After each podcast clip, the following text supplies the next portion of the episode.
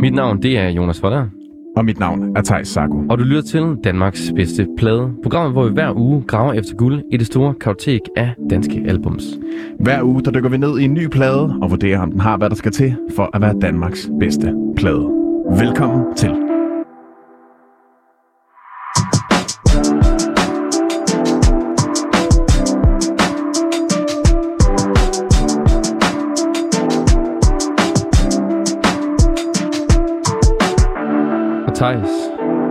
I dag skal vi jo høre det, der måske er Danmarks bedste album. Det er jo det. Altså, det er jo det spændende ved det her øh, koncept, at vi ved jo aldrig egentlig, hvornår vi har noget toppen. Det Nej. kunne, vi kunne faktisk måske allerede i første program. Ej, det, den er så røget ud af top 5, Ja. ja. så det er det ikke. Men i hvert fald, så, så ved man jo ikke, om det her det er den bedste plade, vi skal til at høre nu. Det er jo altid mega spændende. Præcis. Og øh, vi har jo øh, i de her programmer altid en gæst med. I hvert fald, når det kan lade sig gøre, hvis ja. ikke ligger syg. Og det er, lad, det har kunne lade sig gøre i dag. Og vi har ingen ringer end øh, Nicolas Kincaid med. Velkommen til. Tusind tak. Du er jo øh, til daglig musiker, sangskriver og producer.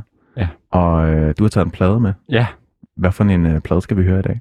vi skal høre en plade fra 2020 af ML Book, som hedder Skinned. Mm. Hvem, hvem er ML Book?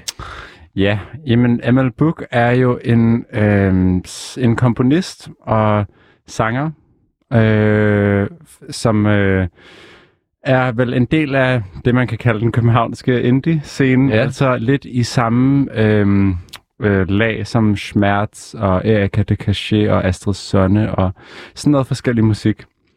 Øh, jeg stiftede bekendtskab med hendes musik, fordi jeg gik på konservatoriet, hvor mange af de her mennesker ligesom har gået eller stadig går.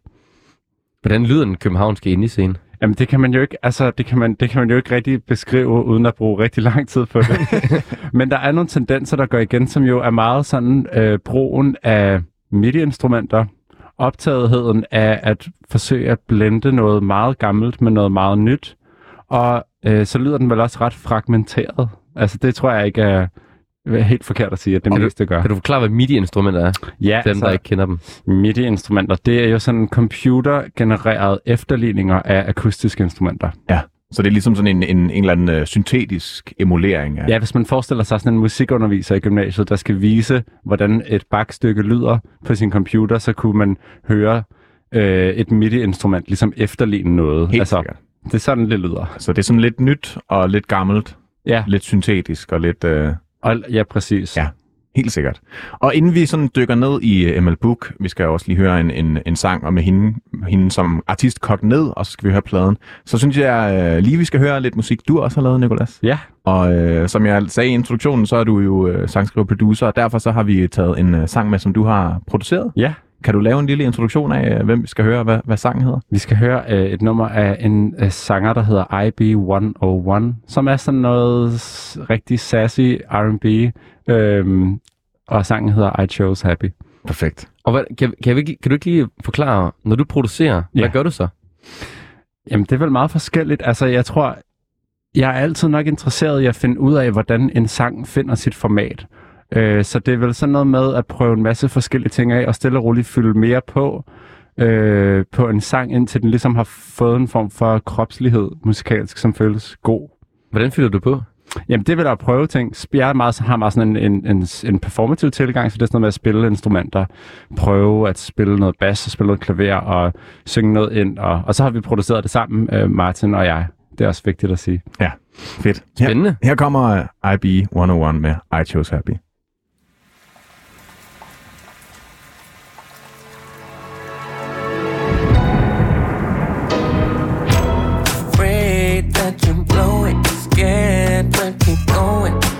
Hurt but you don't show it. You won't overcome the stress of not knowing. Loss of self control, yeah. Did it, but they don't own you. Change is gonna come away from the things we know. We masturbate with alcohol. We hesitate. We got things to prove. So let's go. I'm tired of saying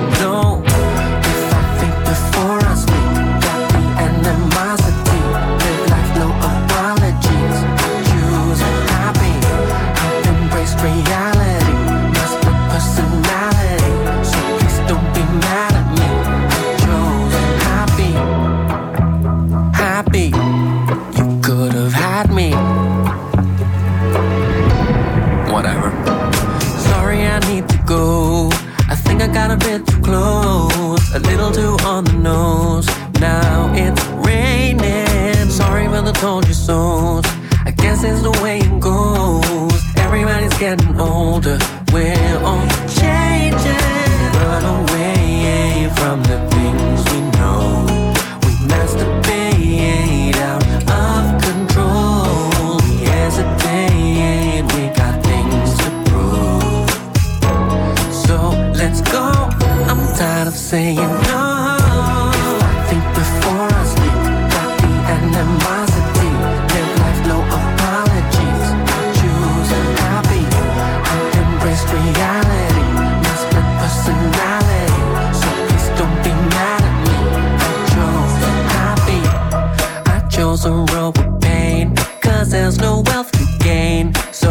get unsafe. I wanna. I really can't complain, cause I'm super insane. You bitches pick my brains for the leftovers. Well, haters gonna hate, so I'm gonna let you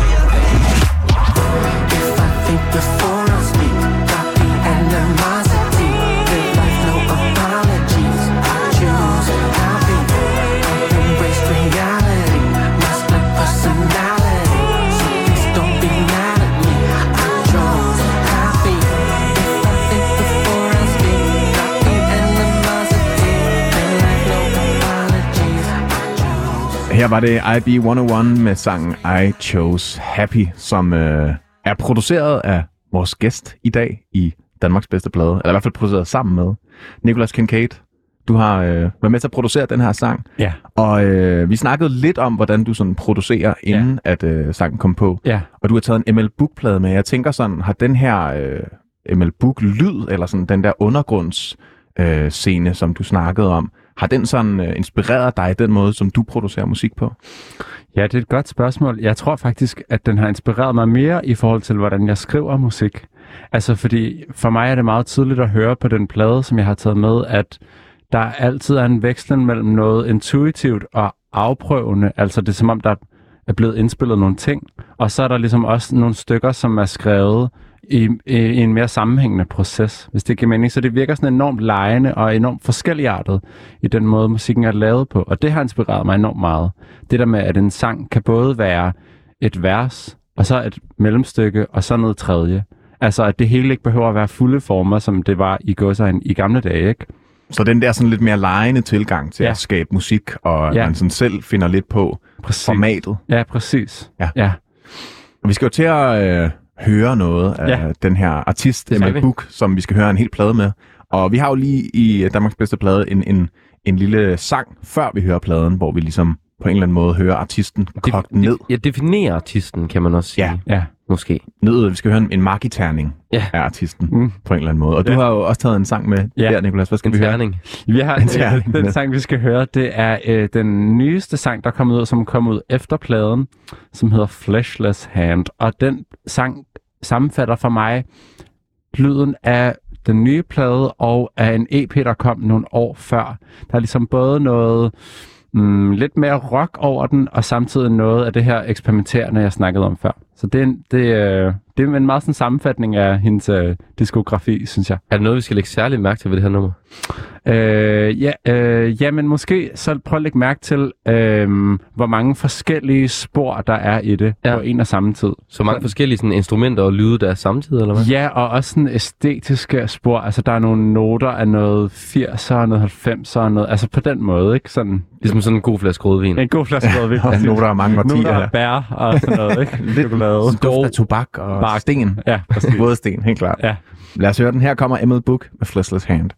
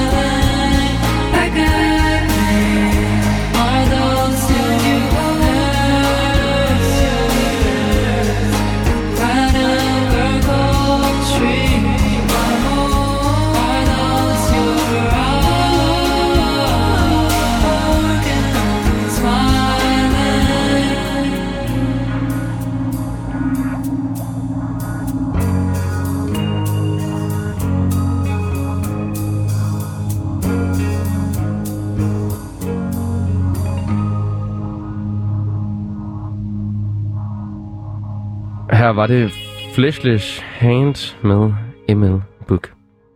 Det er et virkelig dejligt nummer, det her, synes jeg. Ja, vi kommer helt ned, kan du mærke det? Ja, fuldstændig en dybe. en hel... Velkommen til Danmarks bedste plade. Og du lytter til Danmarks bedste plade, hvor vi skal vurdere, om en af ML Books plader Emma Ja, Books plade. Der er jo Plade. det er kun den ene. Og der er en EP også. Det er så Ja, det er rigtigt. Ja, det er rigtigt. Og vi har dig, Nicolas Kincaid, med i studiet, som har Ja. ja. øh, været så sød at nominere den her plade, Ja. ja. som vi skal til at dykke ned i. Ja. Men vi har lige hørt en, øh, en plade, eller en sang, der ikke er fra pladen, men Ja. ja. også er Emil Book, som Ja. ja. ligesom du synes er Emil Book kogt ned. Ja, Og du snakkede lidt om her, inden vi satte sangen på, at det Ja. ja. både var fordi, at der var mange forskellige øh, sådan, ting, den stod på skuldrene af, Mm. genremæssigt og sådan noget, mm. men, men sådan, er det, er, det, er det den her lyd, som du synes, at ML Book sådan er defineret af? I hvert fald øh, del af den. Altså man kan også godt høre, at det her det er en sang, som, som øh, ligger i forlængelse af den plade, vi skal høre, synes jeg. Men der er mange, der er mange øh, ting, der går igen på pladen, og så på det her nummer. Øh, også lyrisk, altså optagetheden af øh, menneskekroppen og sådan noget med hud, og sådan det meget taktile ved menneskets overflade, eller hvad kan man sige? Sådan, det er klart et tema, der også går igen mange steder lyrisk, ikke? Og så er der, altså, den sammenfatter meget sådan den der kompositorisk, altså sådan sangskrivningsstilen, som der går igen på, på pladen også, synes jeg. Ja. ja, for jeg har også tænkt meget over titlen på den her sang. Ja. Ja. Kødløs hånd. Ja. Det lyder jo, Ret makaber. det lyder jo som et eller andet dødsmetalband Ja. plade eller Ja. et eller andet. Ja, Og sådan, når, man, når man så hører sangen, og den der, altså det er jo helt rart. Det er jo balsam. Ja, det er virkelig, det er balsam på sjælen på en eller anden Ja. måde. Det er i hvert fald virkelig sådan ambient og blødt og Ja. luftigt. ja. Og sådan, øh, Ja. der, det føler jeg ikke lyder som en kødløs hånd. Nej. Og er, er, det, er det sådan en, er det en, er det sådan, føler du, det er en kontrast, hun leger med også det her med, at, at, at det soniske og det tekstuelle måske også er sådan lidt radikale modsætninger? Altså, jeg, jeg forstår 100% spørgsmålet. Jeg synes faktisk ikke selv, at den er så makaber titlen, fordi jeg tror, jeg mere hører det som en krop uden indhold i en mere sådan abstrakt Mm, forstand. ja. Selvfølgelig er det et konkret billede med en kødløse hånd, men øh, You Hold My Fleshless Hand, det, for mig tror jeg, det, det, det handler om noget med en optagethed af mennesket i sådan den moderne tid, tror jeg. Eller når, sådan, når jeg hører det, ikke? Sådan, hvad er vores indhold? Øh, og der er jo meget sådan digitale spor og noget med sådan telefoner og sådan, det kommer vi jo tilbage til på pladen. Så det, ja, for mig er det meget mere optagetheden af, hvad er vores indhold som mennesker, hvis det giver mening. Og så så et billede af sådan øh, et medicinsk billede på det. Medicinske sådan ja, med kødløse hænder og sådan noget. ja, Ja. Ja, Det giver, det giver god mening. Ja. Jeg tror bare, det er min sådan øh, dødsmetals hjerne, der Ja, bare ja. har læst det som værende noget. You're listening to Flashlight. Fleshless hand. ja jamen, det forstår jeg også enormt godt. Ja, Og vi skal jo øh, til at dykke ned i, øh, i den her plade. ja. Øhm, men inden da, så tænker jeg bare lige, at vil, øh, vi lige skulle snakke lidt om sådan, kan du huske første gang, du hørte den her plade? Ja. Øh, pladen øh, hørte jeg øh, på dagen, hvor den kom ud. Okay. Så hørte jeg den hele. Men første gang, jeg hørte øh, ML Books musik, var, fordi der var en ven, der viste til mig, og det var så den EP, der kom, der, øh, kom før.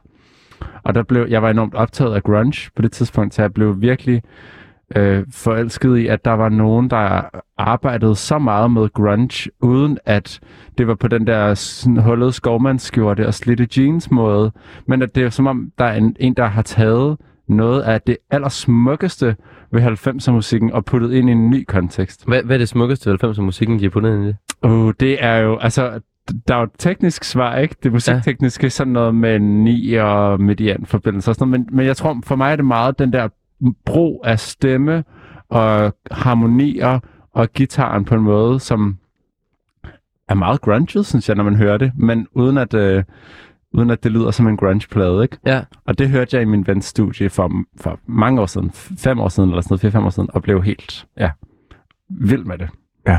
Jamen, altså, ja, det er, jeg synes også, at det er virkelig, Der er mange virkelig... billeder allerede, ikke? Ja, ja. Altså, øh, grunge blandet med Refshaløens Ja, øh, indie-lag. Med lidt, Ja. ja. med lidt spagophold. Ja, præcis. Ja, der er lidt Enya over det, men på den der Ja. ja. gode måde, ikke? Altså, Ja, ja, det det, bliver alt, alt for send, men hvor det er bare sådan, Ja. ja. det er rart, ja, og det er virkelig sådan en luftig vokal, hun også har. ja, Ja.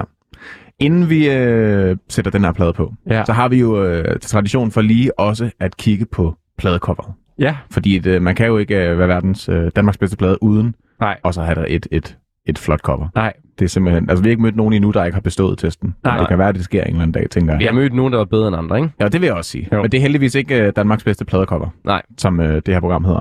Nej. Så øh, jeg tænker måske bare lige, vi, vi kan prøve at beskrive øh, det her pladecover, ja. Ja. hvis man kan beskrive det. Fordi det er måske et af de mere abstrakte, vi har haft med i Ja, programmet. altså, øhm, det ligner jo lidt øh, et teknologisk artefakt, altså et, øh, en, et, en genstand fra et rumskib, vil jeg sige. Jeg synes, det ligner... Eller en billygte. Ja, en billygte, skulle jeg til at sige. Det ligner en forlygte på en bil, der ligesom er taget ud af bilen, og så sådan morfet rundt. Ja, man kan, måske ligner det egentlig en forlygte, der er taget ud af en bil, hvor bilen så er lavet af forlygter.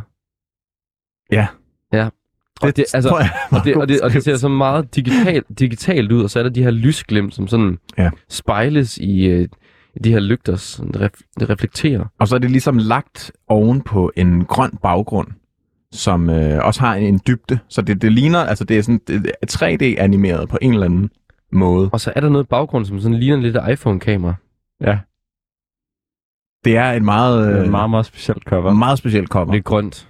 som igen er, som er, og det er meget grønt, ikke? Ja. Ja. Jeg, jeg Ja. føler igen måske også, at det, det er for mig i hvert fald et cover, der ikke sådan måske afspejler musikken så meget, men, men igen med den der, som du også snakkede om, Nicolas, vi også kommer til at snakke Ja. ja. om med pladen, at der er også Ja. ja. meget, hun arbejder meget i hvert fald tekstuelt med det her med det Ja. ja. digitale kontra det, Enormt meget. det, Jamen det synes jeg egentlig også afspejler sig i musikken. Ja. Altså med det her med, at, at på pladen bliver der meget lavet med det her digitale, mm. og det her som sådan, ha- jamen, hvad kan man sige, dengang man lavede dårlig computergrafik.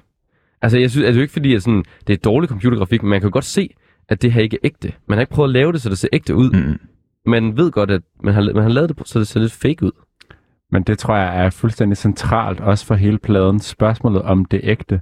Altså fordi, jeg synes også, det ligner en forlygte, og jeg tror faktisk også, det er en forlygte. Øh, men det ligner jo også alt muligt andet, som vi Ja, har det gør. snakket om. Og den der leg med noget, man kan genkende, som er ekstremt konkret, og noget, der er morfet, eller der er forvrænget, det er jo det, er jo det der går igen på hele pladen. Mm. Er noget ægte, hvis det er en efterligning af noget ægte, ikke? Ja, og er det, er det noget i sig selv, hvis det ikke er del af det, det plejer at være del af? Og Præcis, Sådan, ja. præcis. Det kan ja. Vi skal ringe til Søren Kierkegaard senere. Ja, Ja, vi skal have i hvert fald en filosof med på linjen, ja, lad os på en eller anden måde. prøve. Ja, ja, men klart. Nå, men jeg synes, vi skal give os i kast med Ja. den her plade. Og lige sådan, øh, ja, vi har jo nævnt det først, men det er den første plade, øh, plade album, Ja, Emil Book har udgivet. ja, Og som sagt, så er den udgivet i 20. i 2020, ja. Var det lige, var det før eller efter øh, pandemien brød? Det kan jeg faktisk ikke huske, men jeg føler, at pandemien var så nærmest hele 2020. Jeg føler, det har været hele mit liv nærmest. Ja, Så- ja, hele min ungdom. Vi siger, ja. at det, har været, det, var, det var efter, at pandemien var brudt ud. Ja. Nå, vi skal i gang med den. Den første sang på pladen, den hedder Can You Hear My Heart Leave?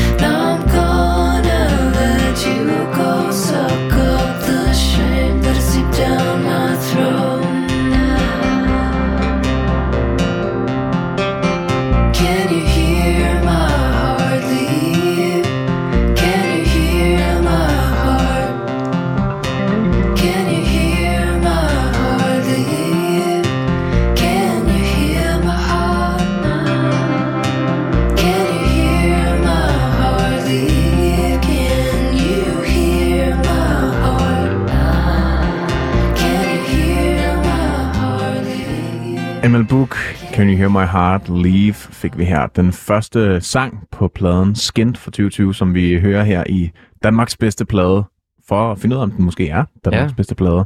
Og øh, du har taget den med, Nicolas Kincaid. Ja, Første sang på pladen, ja, åbningsnummeret. ja.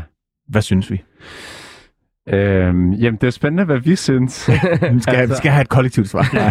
Ja. jeg, jeg synes, at det er en meget overraskende åbningssang. Jeg synes, øh, jeg kan huske første gang, jeg hørte den, det er også en single, den her sang. Så øh, kunne jeg slet ikke finde hoved og hale i, at melodien kom så sent i sangen. Indtil, Nej, altså sådan en vokalmelodi Ja, i det. vokalmelodien, Ja. ja. den kommer først i slutningen, og den der tekst. Øhm, men, øh, men så tror jeg, jo mere jeg hører den, jo mere jeg hører jeg den også lidt som en form for introduktion til alt. Den foregriber på en eller anden måde meget af det, der sker på pladen. Der er noget med nogle synthesizer og noget med nogle trommer og nogle meget kraftige 80'er inspirancer, øh, inspirationer Ja. ja. og referencer, men jeg. Og, øh, og så er der den her øh, meget sådan øh, optagethed af noget romantisk, eller en, øh, i hvert fald tekster, der, der leger med det, ikke? Så Det er en enormt spændende øh, intro, den her, synes jeg. ja, virkelig. Også fordi man sidder sådan og tænker til at starte med, hvad fanden er det, jeg hører? Altså sådan, ja. både sådan, hvilke instrumenter er det, jeg hører, Ja. ja. og sådan, hvad er det for en plade, det her? Altså, hvis du bare lige prøver at tage lige lidt af starten. Ja, jeg så- synes også lige, vi skal lige høre sådan den her, lidt af den her lyd, som den starter ud det med. der. Men sådan, Det lyder som et rumskib, ikke? Så der minder det lidt om pladecoveret. ja, eller sådan en sådan, en sådan 80'er intro Mm. til en eller anden... Øh, Også lidt James Blake. Ja. Ja. Der er også den der sådan, øh, ja, den der sådan meget analog synth optagethed, der var Ja. ja. i start 10'erne. Men den her lyd, ikke? Jo. Det er sådan, og det, er- det er også meget det her, jeg tænker, du snakker om, Nicolas, med, at det er sådan den der syntese, eller sådan MIDI-lyden. Ja. Ja. Fordi det lyder jo lidt som en guitar, eller en bass, eller Ja. noget, men den lyder også meget syntetisk. Ja, den lyder sådan... Og så, og så er den spillet menneskeligt, egentlig. ja, Altså, de der ting er enten spillet menneskeligt, eller også spillet af en computer, hvor det er gjort menneskeligt. Altså, det er sådan... Mm. Man bliver lidt i tvivl hele tiden. ja, Men jeg, jeg tænker, hvis der havde været et stort pladeselskab ind under det her, ikke? så havde de jo kottet hele, start, øh, hele starten fra, ja. og så bare lavet en kæmpe banger ud af, når teksten kom på. Altså, Ja. ja. hvis, hvis det havde været et stort uh, major label, der skulle effektivisere det, så havde de fået en hiphop producer til at sample det her, og så bare lavet et beat, tror jeg. Ja. ja. Lagt nogle hi-hats, ja. nogle trap hi-hats på. Bare eller eller. Men det, der, der skal virkelig meget for at ture og Ja. lægge vokalen på senere. Ja, Ja. Og det er det, der er så sejt, er, fordi den har både det her lange introstykke, som vi hørte øh, noget Ja. ja. af her, og så kommer der ligesom den der, den der meget distortede vokalsynth, eller et eller andet, der... ja. Den der sådan lidt, jeg får sådan lidt sådan halv- slut 90, så sådan lidt trance-agtig. Ja. Eller sådan rigtig sådan klubtung. Øh, Ja, det, altså, det, er- det er den vildeste blanding af, af, af så meget musik, det her. ja, ja. Og så den der ja, sådan helt flotte, luftige vokal med, med flotte korharmonier Ja, og super catchy melodier. Enormt. Altså, fordi lige så meget som den er, eksperimenterer meget, den her Mm. så synes jeg også, at den er virkelig, altså den er, det er god, velskreven popmusik. Mm? Virkelig. Når der er Ja, sang ja. på, så Ja, er det ja. virkelig, virkelig, altså sådan, Ja. det er godt håndværk, synes Ja. jeg også. Ja. Øhm, og det synes jeg også er utrolig spændende, Ja. mixet af de der ting. Ikke? Ja, jeg synes, det er svært at lige øh, sådan, tænke over, hvad man egentlig synes om sangen. Ja. Men det var måske også meget, øh, meget skarpt, det du sagde, Nicolas, med det er måske sådan lidt en, øh, en sang, der, der Ja. Det er lidt en teaser for pladen, ikke? Jo, altså helt sikkert. Det er i hvert fald meget sådan, jeg, jeg hører den nu. Nu har jeg hørt pladen rigtig mange gange efterhånden. Og den øh, introducerer på en eller anden måde lidt alt det, der går igen i alle de andre numre. Mm. Øhm, øh, så, så jeg tror, jeg ser pladen meget som en helhed, snarere end en samling af, hvor mange 10 numre, eller hvor meget der nu er på. Ikke? Ja. Øh, så, er det, så er det mere sådan et langt dramaturgisk forløb, og der er det her altså prologen til det, ikke? Og det, det er sådan et, et værk, ikke? Jo, præcis. Altså, det er, det er ikke sådan... Man propper den ikke lige på sin playlist, den første, det første nummer her. Nej, nej, nej. I hvert fald øh, kun nogle playlister, Ja. der er nogen, Ja. der ikke propper den på. I hvert fald meget varierende, varierende stemning på Ja, den. eller præcis. noget. Ja, totalt. Ja. Men jeg synes bare, vi skal kaste os videre ind i det her, i det her værk Ja. med den næste sang, som hedder I'm a Girl You Can Hold IRL. Der er også reference til noget digitalt. Ja, ja.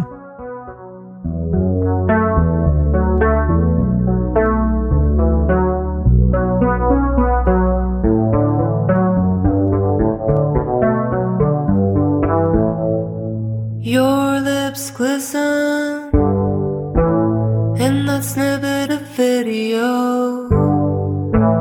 I could bite and suck them off. An open lipless O. I'm a nice little cooling dove that you can get a hold of.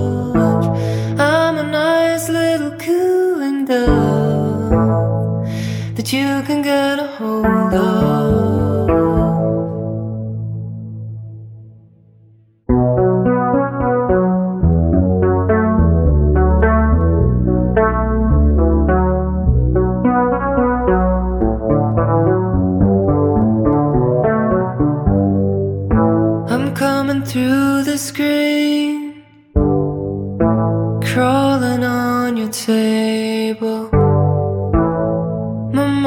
Against your neck, a trickling sap of maple.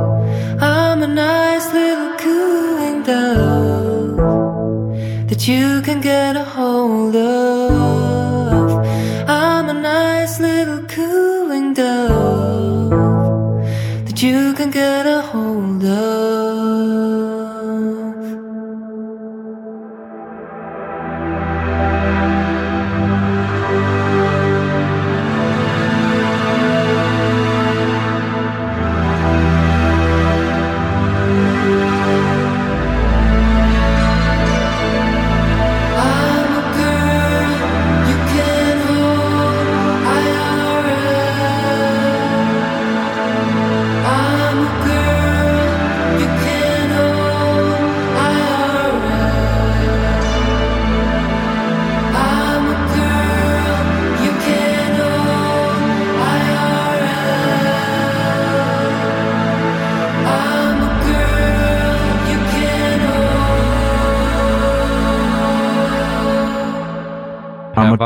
Ja, du tager Ej, den. Du tager nej. Jamen, jeg, vi Vi tager den samtidig.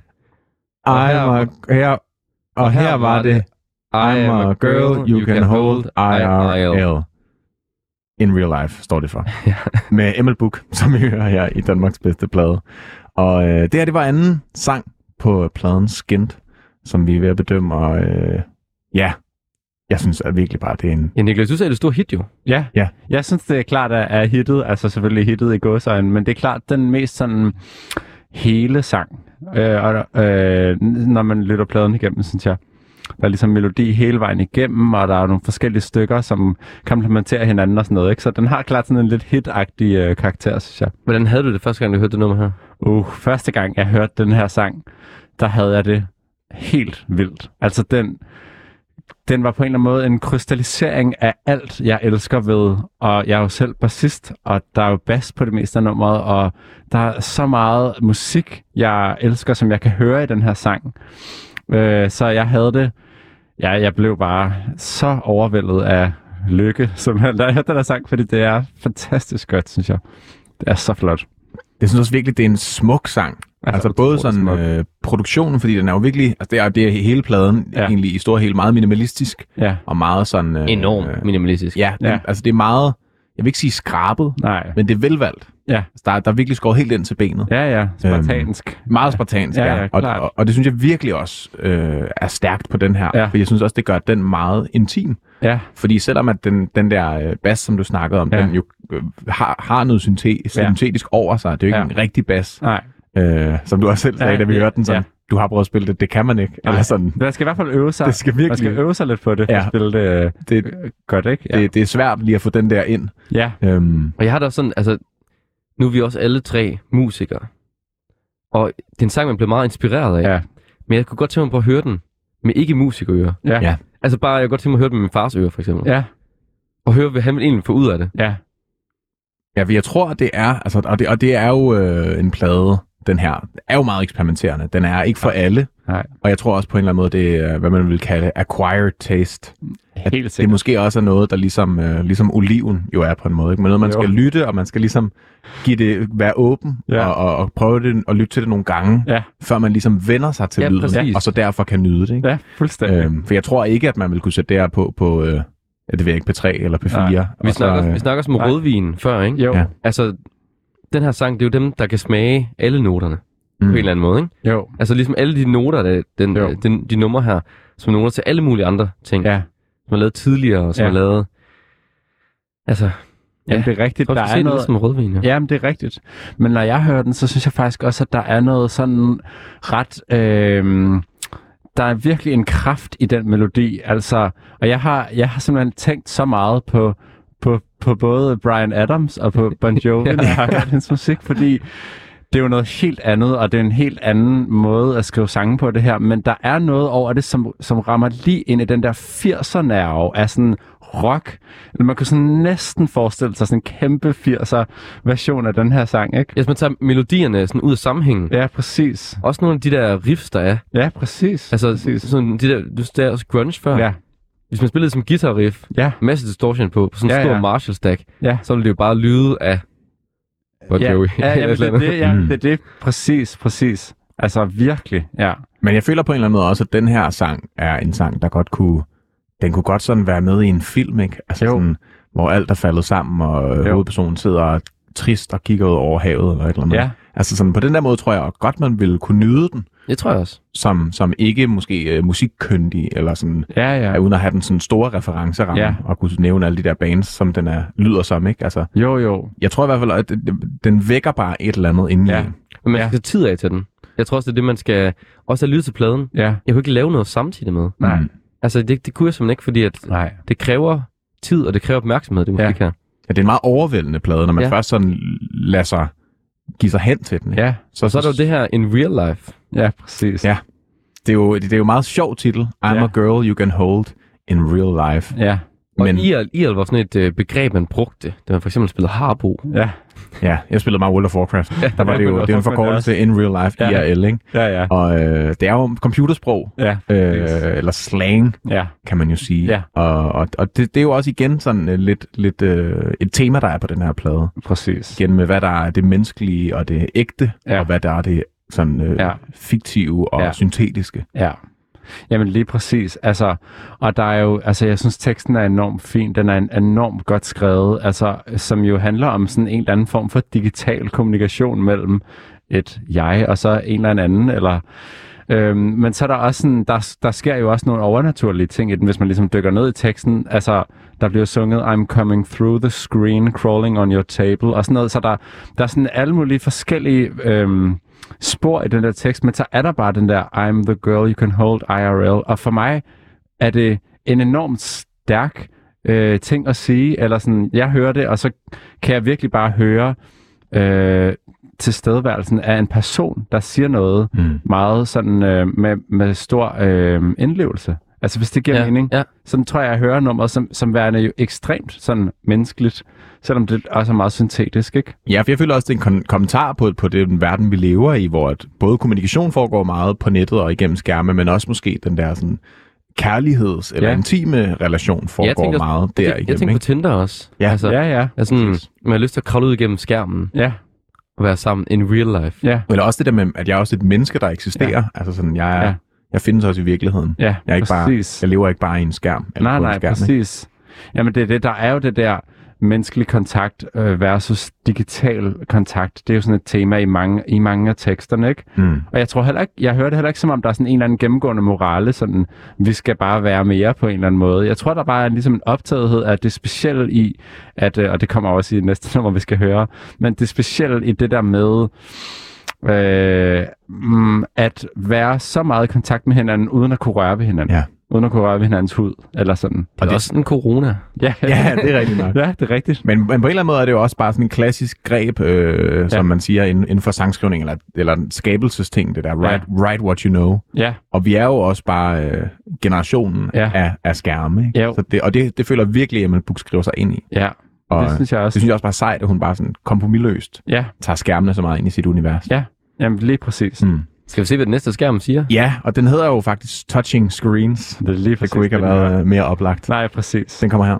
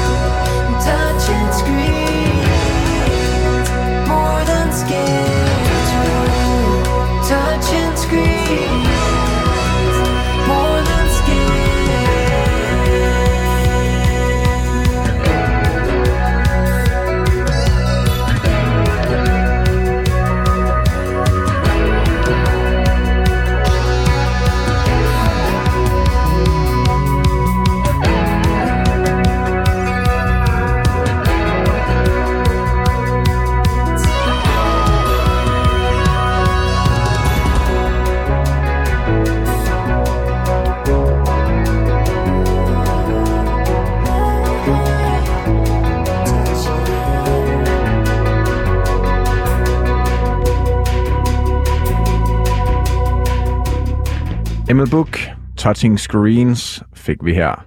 Og øh, det var jo tredje sang på pladen, Skint, som vi hører her i Danmarks bedste plade. Skal bedømme, om har hvad der skal til, for ligesom at være den bedste plade. Ja, og vi I skal Danmark. finde ud af, hvor den skal hen på vores top 5, jo. Nå, måske har den jo bare potentiale til at ligge nummer et. Det må vi se. I hvert fald var det her tredje sang ud af 10, så vi er næsten halvvejs. Og øh, den her øh, Touching Screens snakker jo lidt mere ind i, ind i det her øh, tematik om, om øh, hvad der er ægte, og hvad der er øh, skærme og syntetisk og sådan noget. Og især den her sådan, teknologifascination, Ja. som ML Book har på meget af pladen. Ja. Og øh, jeg synes bare, det er sejt. Ja. Jeg synes, det er virkelig fedt at, at bruge det der teknologiske Ja. øh, aspekt af det, som jo er en del af alles hverdag. Ja, ja. I hvert fald i den, i den vestlige verden, ikke? Er det her overhovedet lavet af mennesker? Jamen, det er det, man bliver i tvivl om, ikke? Ja. Og det er jo også sjovt, at, at netop øh, vokalen, lead-vokalen på det her nummer er jo, er jo enormt digital, altså med autotune og sådan noget, ikke? Så den, den leger jo virkelig med det syntetiske, Ja. øh, som også går igen i teksten. Så det her nummer, det er virkelig på en eller anden måde tematikken sat på spidsen, synes jeg, når man hører det, ikke? Altså, Det virker sådan en god melodi. ja, meget, meget. Helt vildt. Meget Bon Jovi. Ja, men det, det, det har virkelig sådan, øh, det er sådan rigtig rock Ja, det har det. Ikke? Og der er de der markeringer på guitar og trommer, og det hele er sådan enormt muskuløst. Og samtidig og er det fnuglet, synes jeg, når Ja. man lytter til Ja. det. Som er så spændende. Det er virkelig rigtigt. Altså sådan, hvis vi bare lige måske kan høre starten af den her, ikke? Som jo Jo. lyder, som er meget sådan... Øh, altså, det er godt... Det kan godt lyde som et eller andet, Mm, som dum. første øh, omkvæd til et eller andet stort pop-hit, ikke? Ja, ja. Præcis. Sådan, hvis det var produceret ligesom Stor Mand, for eksempel, Ja, ikke? ja. Så sådan, Jo. på en eller anden måde. Jo, virkelig. Og, og så er det bare. Så er det enormt let, ikke? Ja, ja. Men så er det bare sådan, den, Ja, ja, så præcis. spiller en tromslash. Jamen, det er det. Og det synes jeg også altså, mega sejt. Ja. Altså fordi at, at normalt så ville man, eller igen hvis det var sådan et stort pladselskab, så havde man lige haft den her, der var fuldt produceret op, Ja. og det havde været hittet, og så måske uh, I'm a Goat You Can Hold IRL, var det Ja. alt, alt Ja. hittet, ikke? Ja, jo, præcis. og så resten, det var album tracks. Ja, ja, Men sådan præcis. det her med, at hun bare holder den Ja. her sådan stilistiske Ja. øh, tema på hele pladen. Ja. Ja, og jeg tror også, man skal tænke den her plade som værende en, der følger et andet princip end det poppet med. Mm. med, med singler og albumtracks, fordi det her er, jeg hører det meget mere som et værk, hvor man bliver nødt til ligesom at forholde sig til det hele, og til de valg, der er blevet taget, altså hvad for nogle sange skal være med, i hvad for en rækkefølge, som nogle valg, der ligesom har at gøre med en overordnet dramaturgi, ikke? Altså mere end at nogle af numrene er vigtige, og nogle er mindre vigtige, ikke? Ja. Altså, Jamen, det er jeg meget enig i. Ja. Og det, man kan også sige, at på den måde spiller den også rigtig godt ind i det her øh, programs koncept. Ja, det må Ja, sige. Fordi det er jo ikke... Øh, Danmarks bedste single. Nej. eller Danmarks bedste kom, øh, sammensætning af, af forskellige sange, der har klaret sig godt, og så nogle, der ikke klarer sig så godt, og der var lidt kedeligere end de andre. Nej. Øh, det er jo, altså, Ja, Det er jo pladen, vi hylder, ikke? det er jo, helt, det, er jo det samlede værk, Ja. det er det. der ligesom skal have, skal Det have en det. placering på en eller anden måde. Ja. Så det er jo, øh, det er jo helt, kan Jamen, man det sige, det. i den Det er her det. sammenhæng. Jeg vil også sige, altså noget af det, som er, som er virkelig skønt ved den her sang, det er, at der ligesom ikke er nogen... Jeg hører det ikke, som om der er nogen morale. Eller man kunne sagtens forestille, dig, hvis der, forestille sig, hvis der var skrevet en sang, der handlede om, hvor nederen det er. At vi er mere på telefonen, end vi øh, mødes med hinanden ja. Og går ture, ikke? Men sådan hører jeg det slet ikke. Nej, fordi hun synger jo touching screens more than skin. Og så ikke mere. Og så ikke mere, så nej. synger hun picking it, picking it up again, uh, fingers gliding, tapping, tapping. Det tror jeg nok er teksten i ja. verset, ikke? Og det er det. det. Det beskriver bare meget konkret. Ja, hvor hvis det havde været Karl Emil for olie nummer, Ja. ja. eller Mads Langer, eller Ja. ja. et eller andet, ikke? Ja, Så havde det været mere sådan, ja, ja. der har været en stor PR-tur, ud at sige sådan, Ja, jeg gider ikke det der med Ja, ja. skærm, og Nej, vores ungdom blev ødelagt, og alt ja det sådan. præcis. Mm. Og sådan tror jeg slet ikke, at, øh, at det ved, jeg ved ikke, hvordan nummeret er tænkt, men jeg hører det i hvert fald ikke som et nummer, der siger det. Nej, Det er mere, mere, det er mere sådan konstaterende. Ja. Det er mere sådan, jeg observerer bare mine handlinger, Ja. og jeg kan konstatere, at jeg har set Ja. en ven to dage den her Ja. uge, og jeg sidder på min telefon fem. ja, eller et præcis, eller andet, ikke? Præcis. Så, så det er jo det er også bare sådan et, et, et, et, øh, sådan, man, et indblik i Præcis. hendes liv, eller i, i vores generationsliv måske også. Ja, ja, præcis, præcis. Det er sådan hører jeg det også enormt meget. Ja. Altså, ja. Man kan også tænke på, hvordan man selv bruger skærme, egentlig. Ja, Ja, fordi at, at jeg føler altid, når man snakker om det her, altså det, og, og det er jo også den måde, vi tænker, jeg hører det på, Ja. touching screens more than skin, Ja. som en dårlig ting. ja. Og igen, som du siger, det, det er jo ikke umiddelbart noget, hun kommenterer. Nej. Det er godt eller dårligt. Nej, Du kunne lige så godt mene, det er lidt godt. Ja. Altså sådan, at, at øh, fascinationen af det i hvert fald Ja. er der er meget i hvert fald en fascination af det på pladen. Det er meget tydeligt, ikke? Altså, og hvad, hvad, hvad hun så synes, det er jo i og for sig sagen uvedkommende, ikke? Fordi det er et spørgsmål om ligesom at undersøge og afbillede noget på en ret åben sindet måde, synes jeg. Det stiller rigtig mange spørgsmål, det her. Ja, enormt meget. Det lader lytteren stå sådan Ja, tænkende. ja. I, u- i uvidsheden. Ja. ja. Rigtig meget. Jo, og og man kan jo sige, det er jo også enormt interessant, hvis man tænker over den påstand, vi som mennesker rører i gennemsnit mere ved, ved skærme, end vi rører ved andres hud. Det er, det er jo svært at sige noget om konkret, tror jeg, det er meget forskelligt fra person til person, men der er jo noget sandt over, Ja. over påstanden, ikke? Altså, at vi Jo. i hvert fald rører ekstremt meget ved skærme. Gennemsnitligt tror, tror jeg, det er rigtigt, altså. Det, det er også min fornemmelse, uden at kunne sige det jo, men øh, det er jo et enormt interessant. Det kan vi jo øh, lige prøve at tjekke, om vi har... Faktisk tjekker det lige. det kan vi lige gøre, mens vi hører den næste Lige for nummer. gravegruppen et eller Ja. Nå, vi- den næste sang på pladen, den er lidt kortere af slagsen. Den var lidt over et minut, og den hedder O. Kommer her. Her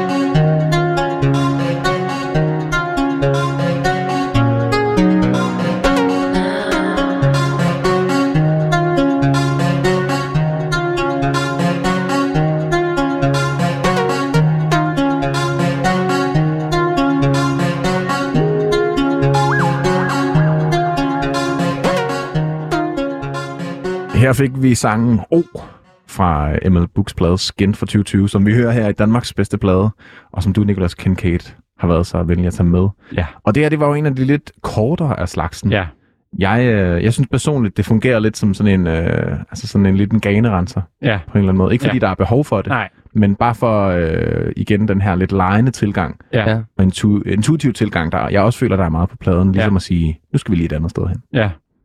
Men helt sikkert, altså jeg kunne også helt klart, øh, eller man kunne sige, eller man kunne fristes til at kalde det for et, et form for interlude, ikke? Altså, det tror jeg ikke, jeg, jeg selv vil gøre, men det er nok også, fordi jeg har lyttet til pladen som helhed så meget, ikke? Og hvad, hvad betegner et interlude, når du bruger det? Ja, det er jo et godt spørgsmål. Altså, det er vel tit de numre på en plade, som er korte. og de numre, som bevidst ligesom fungerer som en form for overgang fra noget til noget andet.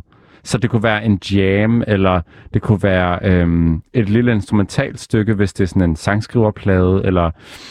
Øhm, det er jo sådan et form for mellemstykke. Det, det kommer jo sikkert af latin, ikke? hvor det sikkert betyder noget med Interludium. mellem. Interludium. ikke? Ja, et eller andet, ja. ja præcis. Fra det ikke? klassiske eller sådan noget. Ja, ja, præcis. Mm. Altså, det er præcis. Så det, man kunne høre det meget som et mellemstykke, men jeg tror mere, jeg hører det som en, en farve, der bliver undersøgt Ja. i, i, i helheden. Ikke? Ja. Og det spænder jo snakke også lidt ind i den første sang på pladen, uh, Ja. Can You Hear, uh, hear My Heart Leave, hvor der Præcis. også var meget instrumentalt, ikke? ja, jo. Øhm, Og hvor der er meget synth, der er synthesizer, der, der kommer igen. Ikke? Ja. Altså, det er jo det, nogle gange kommer der virkelig sådan et meget øh, intenst øh, synthesizer-univers, ikke? Jo blandt andet også her. Og det er også svært at finde ud af, hvis man hører pladen i hele, hvor man er henne her, Ja. synes jeg. Ja. Om det her... Jeg vidste faktisk ikke det her, det må jeg selv, for jeg hørte bare hele pladen Ja, ud i et. ja. Jeg troede bare, at- den hørte sammen med Touching Screens. At man troede, det var en outro, ikke? Ja, Jamen, ja. det forstår jeg godt. Sådan hører jeg det også meget. Ja, Altså også fordi den jo kommunikerer så meget med de andre sange, Mm. ikke? og det måske også igen taler hen ind i hele det der metabillede af pladen, sådan, okay, men hvad er ægte, og hvad er en del af sangen, og hvad er ikke en Præcis. del af sangen, og Præcis. hvornår er det det ene, og hvornår er det det andet. Ja, Og øh, nu skal vi jo til øh, det næste sang på pladen, der hedder Can't Get Over You With You. ja. Og jeg tænker bare, at vi hopper ud i den. det skal vi. Her kommer den.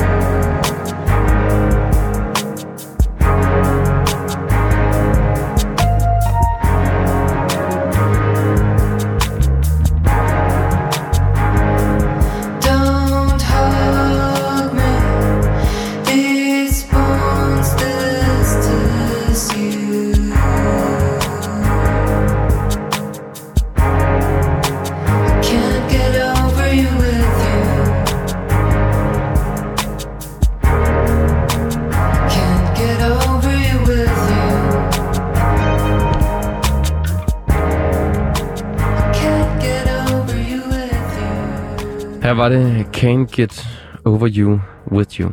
I Danmarks bedste plade, hvor vi skal finde ud af, om det her er Danmarks bedste plade. Eller hvor den kommer hen på vores top 5. Eller om den kommer hen på vores top 5. Det er jo et stort spørgsmål, og det, det finder vi ud af til sidst i programmet. Vi er jo ikke nået helt, helt til skæbens time endnu. Jamen, det kan man lige blive, blive hængende, ikke? Jo, jo, det Se synes jeg. den, Jamen, der er klart, The Good Life der er klart grund til at blive hængende. Det er, det er spændende, synes jeg. Ja. Men øh, den her sang, Can't Get Over You With You, Ja. er jo øh, efter min mening også en af de her. Altså sådan, jeg, vil- jeg, vil, jeg vil faktisk indrømme, at, at, at øh, alle de gange, at der er vokal på, Ja. så synes jeg bare, det er virkelig godt. Ja. Og jeg ved ikke, det har jeg tænkt meget over, om det er fordi, at det er så sparsomt, Mm. at fordi at der er så meget af pladen, der ikke er vokal på, og ikke ja. er vokalmelodier, Ja. at så bliver man ikke sådan overmættet. Så man kan sådan på en eller anden måde nemmere håndtere, når der så er der. Ja. Man sådan, så tager man det mere ind, og så føles det også lidt, lidt Ja. ja. mere øh, intimt på en eller anden måde. Ja, ja. I hvert fald synes, synes jeg, at der er noget enormt spændende over os som komponist. Det der med at lave en plade, hvor, man, hvor lytteren, som jeg i hvert fald gør, hele tiden hungrer efter flere melodier. Øh, fordi det er rigtigt, den der med, med mæthedsgraden, ikke? når man hører en plade med rigtig mange sange. Når jeg gør i hvert fald, så kan jeg tit blive sådan lidt mæt, og sangene kan begynde at minde lidt for meget om hinanden. Og her der er det de, de få fem gange, der kommer en melodi, ej, hvor meget det nu er, ikke? Mm. Altså, de få, de få steder, så er det så fedt. Ja. Eller sådan, Det er, det er, altså, det er meget sådan kontraster, der leges med. Ja. Jeg husker, jeg mødte engang en, øh, en arkitekt på en bar, der han lige havde vundet en eller anden stor pris. ja, Og Jamen- Bjarke Engels. Nej, det var ikke Bjerg Det var ikke begge. Okay. Det var ikke Bæk. Det var en mindre arkitekt, men øh, arkitekterne har arbejdet med at putte grimme stålkonstruktioner oven på gamle bygninger. Ja. Og de gamle bygninger var sådan ret slidte og grimme i forvejen.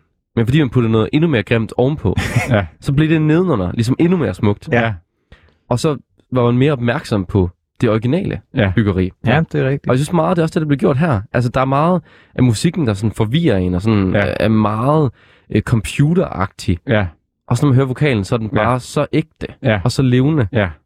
Det synes jeg, øh, det kan noget rigtig smukt. Det er jo et klassisk greb i, i mange af livets facetter, det, Ja. der, altså kontrast, det kontrastuelle. Hvis man vil Ja. have noget til at virke mere af et eller andet, så skal man bare lige rundt om det, eller lige op Ja. til det. Så skal man bare Gør gøre det modsatte. Præcis det ja. modsatte, ikke? Jo. Præcis. Ja, altså, hvis man vil have tænkt til at smage surt, skal man bare få noget andet til at smage mega ikke surt, ikke? Jamen, det er det, det er det. Ja, der er virkelig leg med kontraster.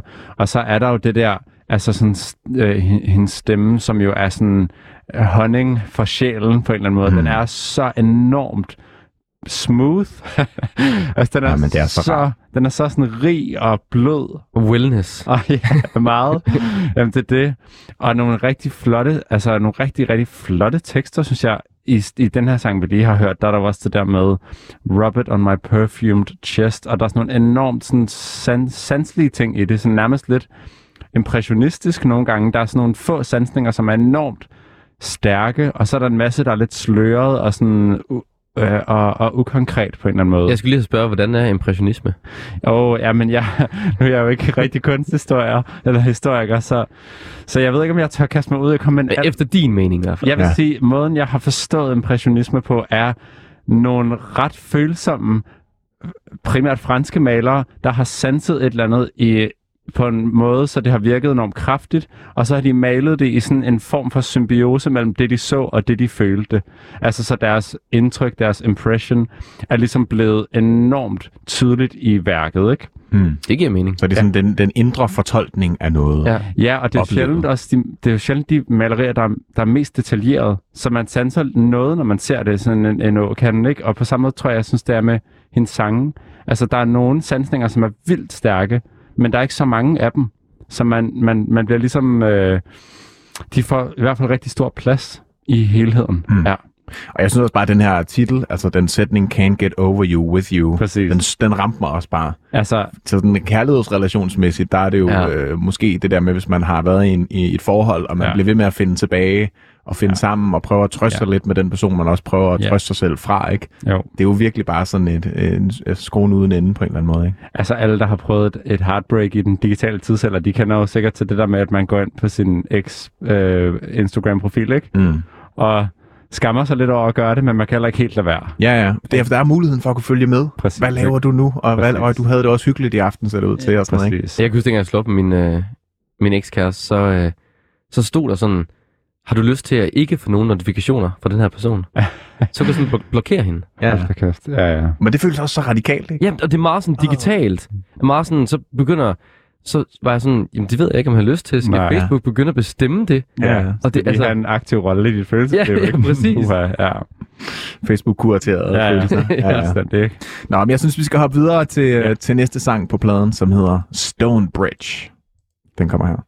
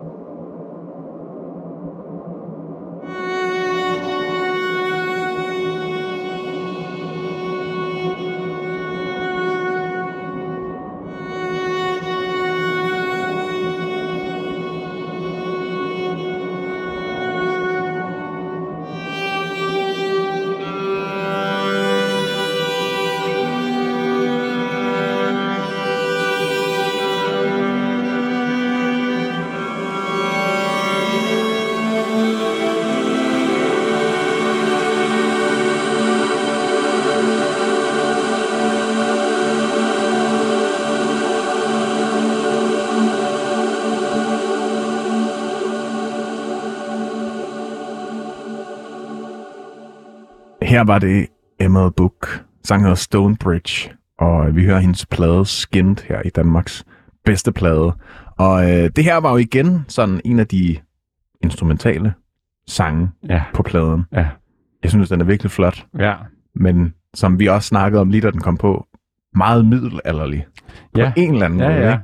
Men den hedder også Stonebridge. Man tænker det her sådan, øh, sådan broen over voldgraven ind, Ja. til, ind til slottet, og der var sådan en fanfare i starten. Og, Jamen, jeg ser sådan nogle djævlebroer, som man kender fra Italien for mig. De der meget smalle og meget sådan, øhm, stejle broer. Det er meget sådan, øh, men der er noget, altså sådan Venedig-agtige, alle de der små... Øh, Ja, det er sådan, og der, der er sådan noget historie med djævlebro, og det var sådan noget med, at man sendte en, hvis nok en jomfru over dem for at se, om konstruktionen kunne holde, og der er alt muligt med det der forfærdeligt, ikke? Men, Ja.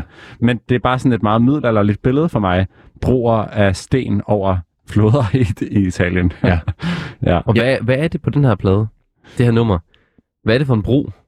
Ja, det, jeg ved ikke, jeg, når jeg hører den, tror jeg faktisk ikke, jeg hører det som et interlude. Nej. Det er et vildt godt spørgsmål.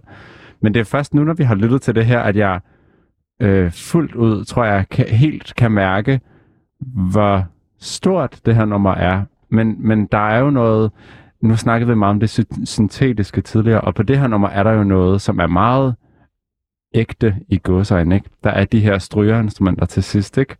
Som jo lyder meget filmiske, eller Ja. sådan, det er jo tit det, man forbinder, når man hører klassiske instrumenter, ikke? Mm. Mm. Som ikke klassisk musiker. Men der er noget meget filmisk over det, synes jeg. det er meget teatralsk. Den, det er, ja, virkelig. Hmm.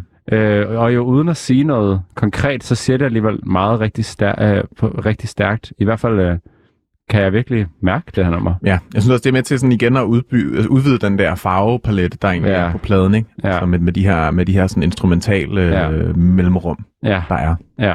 Nå, vi skal hastigt videre. Tiden, Ja, øh, tiden tiden flyver. løber. Det gør den jo. Øh, næste sang hedder Sap. Eller Sap. det er ikke Sap Sap.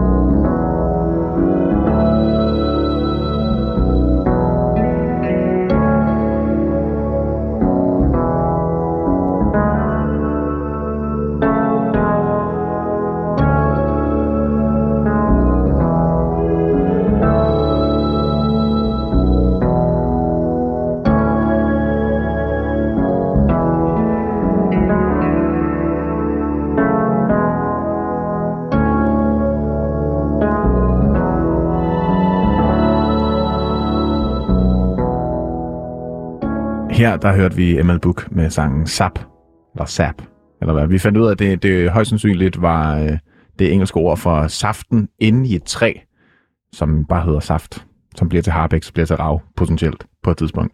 Men øh, igen, virkelig en, en, en flot sang, synes jeg. Et, øh, endnu et instrumentalt nummer. Jo, og jo et meget voluminøst nummer, ikke? Altså, der sker enormt mange ting i det. Meget jeg hører også sådan noget One No Tricks Point Never, og sådan nogle af de der elektroniske... Hvad er det for noget? Og faktisk, jeg er ikke så velbevandret i lige Mm. mm. det musik, men det er den der elektroniske scene. Jeg ved faktisk ikke hvorfra, men som, som ligesom også leger med det her med sådan nogle super harmoniske ting, og også en lille smule middelalder, og en masse MIDI-instrumenter og Ja. synthesizer og sådan noget, ja. Øhm, men jeg kan ikke komme med en så... Men det er også en ud, men det er udelukkende instrumentalt. Ja, ja, One ja. Ja, Never, ikke? jo, Eller var sådan meget funderet i det instrumentale. Ja, præcis. Univers. Det er præcis, Ja. ja. ja. Men det er også et meget intens nummer, ikke? Altså sådan, øh, måske igen, igen ligesom den første sang, altså den er også Ja. meget opdelt og fragmenteret, og så Ja. kommer der lige et stykke med sådan duk, duk, duk, duk, Ja, duk, som duk, er midt i det hele. Så, så mørkt jo, eller Og som er det tungeste, Ja. der har været på pladen indtil Ja. videre. Det er sådan, det, det, det, da jeg hørte den, der var det sådan, og så blev man lige rusket i, Ja, og man har bare sådan svævet lidt væk. Ja, Jeg kommer til at tænke på den måde, man får saft ud af træer på. ja, Hvor til at starte med, så har man ligesom træet, og så banker man et eller andet hårdt ind i træet for Ja. at få birkesaften ud. Ja. Mm. Og så kommer det roligt igen, så løber saften ud. ja. Ja, og det kan godt være bare sådan en, øh, en sonisk øh, sådan guide til, altså step one, Ja. step two, Ja. hammer og løs på træet. Ja. Altså, det er i hvert fald også, altså, mange af de ting, der sker, lidt ligesom det første nummer på pladen, ikke? Lidt, ma- mange af de ting, der sker i det her nummer, er jo nogen, der går igen. Altså, det mørke og dystre har man også i pladens outro, som vi jo kommer til senere, og den båndløse bass, eller midi-bass, eller hvad, hvad man skal gå ud fra den er, den er der også, har også været der tidligere, som vi har snakket om. Så, så det på en eller anden måde indbefatter det her nummer jo igen mange af de samme soniske mm, stiltræk, der er på hele pladen, tror En jeg, man kan sige. Ja, en form for midlertidig opsummering, ikke? I sidste afsnit skete der det. Ja. Sidste gang. Der fik vi saft ud af træet. Ja. Der er så mig, mig og Jonas lige snakker om, at sådan, vi har set det her med at få saft ud af træ fra nak og æd. Ikke? Ja. Måske godt være. Jeg tænker har siddet mere og set på nak og Hunger æd og til at lave Ja. sådan en, Ja, lave sådan en sonisk udgave af det. Ja, ja, men, ja. Og det var meget det, du sagde Sabber med det her impressionisme. ja, præcis. ja, det er det en impressionistisk øh, produktion på, Ja. på nak og æd. Ja, fuldstændig. Det Ja, jamen, klart. Det kan jeg godt se i det. Ja, Nikolaj jeg Kirk ligesom lever i det her nummer på en eller anden måde. Ja, altså umiddelbart tænker jeg, at der er ret langt fra Nikolaj Kirk til det her nummer, men, men måske... øh, Det er måske It's, a, it's, a, it's a stretch. Ja, ja, Ja. ja. måske. Ej, men det kan godt være. Ja, måske på en eller anden Ja. måde. Imens du tænker lidt over det, så synes jeg, vi skal gå ned videre til næste nummer på Ja. pladen. I feel like giving you things, Ja. hedder den. The ocean sparkles in the sun, wet and glistening in the cold spring. I feel like giving you things. I feel like I feel like giving you things. I feel like giving. I wanna list something pretty like. I wanna describe something pretty like. Cantaloupes and orchids, a pair of glossy lips brownish purple figs.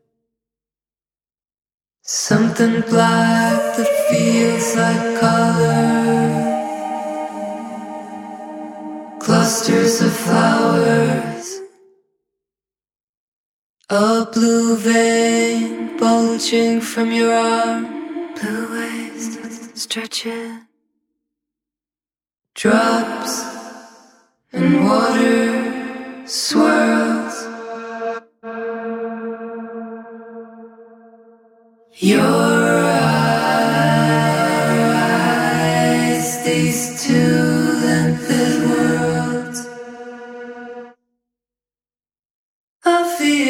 like giving you things in the cold spring. Ah. I feel like giving you things in the cold spring. Outside the window, a storm has damped the bird. The tenderloin of the garden, that green nut. Your eyebrows, your chin, face the glassy skin of the cherry blossom. Blushing,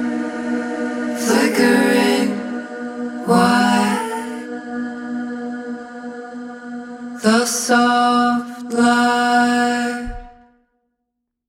Velkommen tilbage til Danmarks rareste plade, hvor vi er i gang med at høre Mel Brooks plade Skint. Den her sang hedder I Feel Like Giving You Things. Og vi sover alle sammen. Ja, altså, det er lige før, det rammer genre om natten på en eller anden måde, det her. Jeg synes, den her sang, den er så fed. Ja, det synes jeg Ja. virkelig også, den er. Virkelig smuk. Virkelig øh, intim. Ja, Og, og, og de, den der harmonik, som Ja, ja, hele sangen er bygget op ja. på, de her vokalklange, ja. ja, er jo så flot. ja, Og pauserne, ja, ja, ja, præcis. kan blive vildt opmærksom. Ja, Altså, der er jo mange numre, hvor man leger med pauser, ja, men pauserne er bare aldrig så stille, som på Nej. det her nummer. Og det er helt, altså der er Ja. masser af lyd, intet lyd. Og det kommer så tit også. Altså, Ja. det, det er jo en sang, der starter og stopper hele tiden. ja, præcis. Men det synes jeg også samtidig gør den så intens at lytte Ja, til. Fordi man kan, man kan ikke andet end at, end at spidse ører Nej, lige præcis. på en eller anden måde. Er præcis. Og det er jo også sjovt, nu har vi talt meget om det der med, at man som lytter måske kan hungre lidt efter at høre nogle flere melodier og noget mere vokal. Og det her nummer, der får man jo så meget vokal, så meget stemme.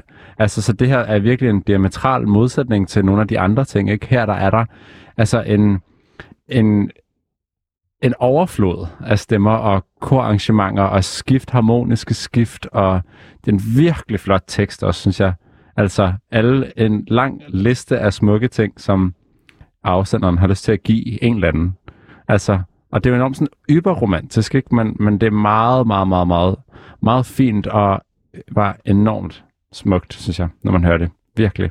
Virkelig, virkelig flot. Ja. Jeg hørte den her sang, eller plade, øh, i dag, da jeg var nede og træne. Ja. Det er jo li- lidt underligt. hører alle plader, Thijs. Ja, det gør jeg faktisk altid. det er, jeg er altid nede og træner om mandagen, så hører jeg pladerne lige inden Ja. også. Men det er, det er jo en underlig sang at høre i, Ja. i Fitness World, vil jeg helt sige. Det forstår jeg man godt. sådan lige kunne fornemme stormanden i baggrunden. Hvad, hvad gjorde det ved dig egentlig? Det godt til mig at vide. Det gjorde mig meget send. Jeg, havde- jeg, tror, jeg, jeg tror ikke, jeg, sådan, da den her sang var på, løftede jeg ikke noget. Nej. Der, det var sådan lige midt i en pause, der så bare varede i ja, tre minutter. Ja. Fordi at jeg, kunne, jeg blev ligesom bare så fascineret af den her, Ja. ja. den her lyd. Ja. Øh, Men måske er det egentlig også et ret godt billede på, hvad musikken kan mm, på Ja. den plade her. Fordi Ja. at den får en til at sådan stoppe op og tænke på musikken, frem Ja. for at det bare kører i baggrunden, synes Ja. jeg.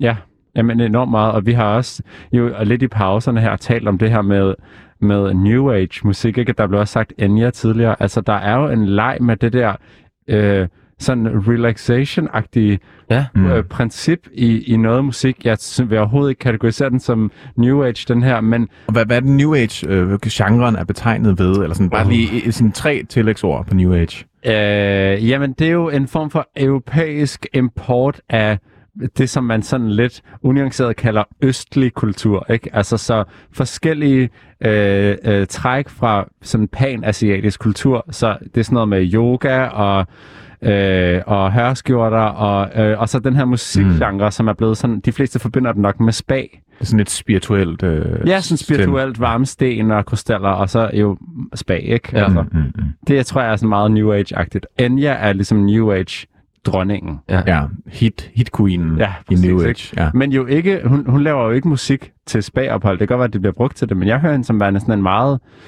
meget, meget, øh, altså som, som værende en, der virkelig laver musik, som man skal lytte til. Mm. Og lidt på samme måde synes jeg, det her også er. Altså, det leger med noget enormt afslappende, men, men det er ikke noget musik, der man sådan tager ned og træner til, eller står og hakker Nej, løg. nej, fordi, nej. Det, det er så mættet af sanselighed, ikke? Ja. Og, og, og det med at kunne lave så øh, blød og rar og altså nærmest balsamerende Ja, øh, musik, ja, og samtidig kunne gøre det så intenst, ja. som de her pauser Ja. jo virkelig er med til at gøre. Det Ja. synes jeg også er virkelig imponerende og virkelig Ja. sejt. Ja. Altså sådan, det, det gør også, at jeg synes, den her øh, stil, som Emil Book viser Ja. på den her plade, Ja. er så inspirerende Ja. og, og, og nytænkende. Ja, fuldstændig. Virkelig modigt. Ja, enormt. Altså, ja. Ja, virkelig. Mm. Meget. Jeg synes, vi skal hoppe videre. Vi mangler stadig to sange, og vi skal også nå at, at ligesom snakke øh, om pladen generelt. Ja. Så nu øh, kommer næste sang på pladen, den hedder Boarding.